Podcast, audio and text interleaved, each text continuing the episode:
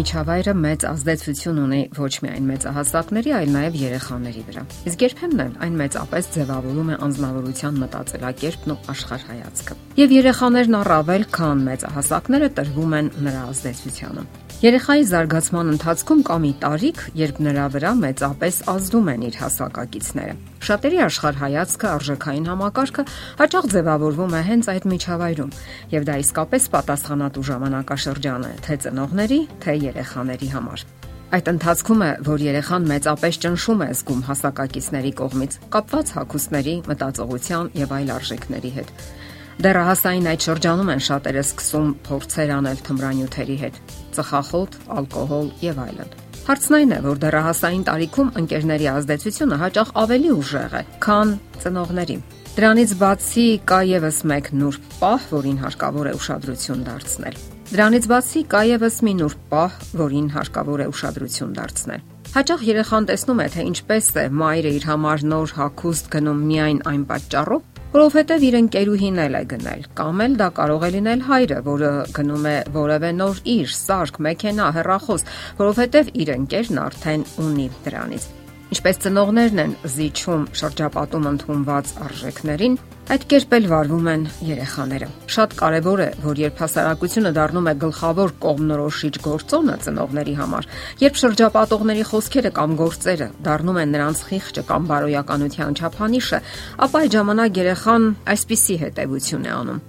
Եթե ուրիշները կարող են թելադրել իրենց հայացքները իմ ծնողներին, ապա իմ հասակակիցները նույնպես կարող են իրենց հայացքները թելադրել, նաև վարքագծի չափանիշները։ Ցավոք այս մեխանիզմը հաճախ անվրեպ ու աննկատ է գործում թե ինչու են դեռահասները փորձարարություններ անում թմրանյութերի հետ, պատճառների մեջ մասնագետները նշում են նաև ձանձրույթը։ Կանադացի մի մասնագետ հետազոտություն է անցկացրել ողջելու համար, թե ինչու են ոչ բժշկական նպատակներով օգտագործում թմրանյութերը։ Պարզվել է, որ շատ մարդիկ դիմում են թմրանյութերին պարզապես ձանձրույթից դրթված։ Թմրանյութ օգտագործելու պատճառների մեջ ձանձրույթը 4-րդ տեղում է։ Եթե մարդկանց մեծ մասը թմրանյութերի մեջ պաշտպանություն է փնտրում սթրեսից եւ լարվածությունից, որոշներն էլ այսպես ասած ձանձրացողները ցանկանում են խորասուզվել իրենց ներքին աշխարհը, վերացնել կյանքից անբավարարվածությունը, հետաքրքիր փորձարարություններ են ուզում անել։ Եվ սա այնքան էլ հեռու իրավիճակ չէ նաև դեռահասներից եւ երիտասարդներից։ Ահա թե ինչու մեկ այլ մասնագետ, դոկտոր Ջեյմս Հոքինսը, համաձայնվելով այս տեսությանը, կառուցողական խորհուրդ է տալիս։ Նա գրում է. Շատ երիտասարդ մարդիկ թմրանյութային կախվածության մեջ են ընկնում ձանձրույթի պատճառով։ Եթե ծնողները հետաքրքրություն են դրսևորում երեխաների զբաղմունքների հանդեպ, փորձելով հոգալ նրանց կառուցողական գործունեության մասին, ապա դա իհարկե օգնում է հակազդելու թմրանյութային կախվածությանը։ Եթե օրինակ երեխային հետաքրքրում է երաժշտությունը, նա մասնակցում է դպրոցական երգչախմբի փորձերին կամ այլ միջոցառումների, սակայն հայրը կամ մայրը ոչ մի անգամ չեն գալիս այդ փորձերին կամ համերգներին, ապա երեխայի հետաքրքրությունը երաժշտության հանդեպ կարող է մարել։ Երբ նա թողնի այդ փորձերը, բնականաբար նրա մոտ ավելի շատ ազատ ժամանակ կհայտնվի եւ հնարավոր է նա սկսի որոնել ազատ, անհոգ, թափառող պատանիների ընկերակցությունը, ինչը կարող է եւ թեթեվորեն հանգեցնել թմրանյութերի հետ փորձարարությունների։ Երեխաները ցանկանում են, որ ծնողները հետաքրքրվեն այն ամենով, ինչ անում են իրենք, ինչը հետաքրքրում է իրենց։ Նրանք հաստատություն են ապրում, երբ ծնողները մեծ նշանակություն չեն տալիս իրենց հետաքրքրություններին։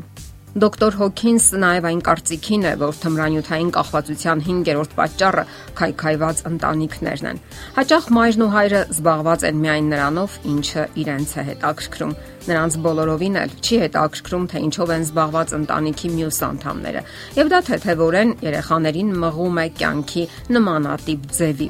ապրել միայն իրենց համար։ Ամուսնալուծությունների թվի տագնապալի աճը նշանակում է քայքայված ընտանիքներ, որի արդյունքը որպես կանոն առանց հայրերի ընտանիքներն են։ Ժամանակակից սոցիոլոգները եւ հոգեբանները պնդում են, որ եթե յուրաքանչյուր ընտանիքում ներկա լինի պատասխանատու հայր, ապա երիտասարդների կողմից կատարված հանցագործությունների թիվը կտրուկ կկրճատվի։ Տղա թմրամոլները հաճախ մեծանում են այնպիսի ընտանիքներում, որտեղ կինը ընտանիքի փոքրիկ անդամների վրա միակ ազդեցություն ունեցողն է, կամ էլ տղամարդը գտնվում է այսպես ասած կնոջ կրենկի տակ։ Այդ դեպքում տղաներին չի բավականացնում տղամարդկային ամուր ձեռքը։ Շուտով նրանք սկսում են իրենց նույնացնել մայրիկների, տատիկների կամ էլ քույրիկների հետ։ Այդպիսի նույնացումը նրանց մոտ զարգացնում է սեփական անկատարության, անկարողության զգացում, որն էլ շփոթություն է առաջացնում ծնողների հետ հարաբերություններում։ Այդ ամենի արդյունքում նրանք նույնիսկ սկսում են աղավաղված հասկանալ իրենց դերը։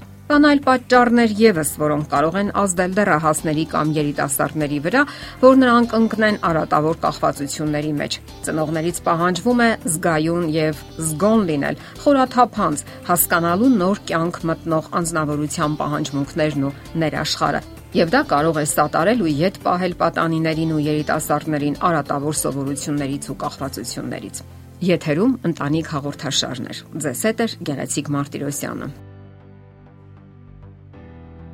Հարցերի եւ առաջարկությունների դեպքում զանգահարեք 094 08 2093 հեռախոսահամարով։ Հետևեք մեզ hopmedia.am հասցեով։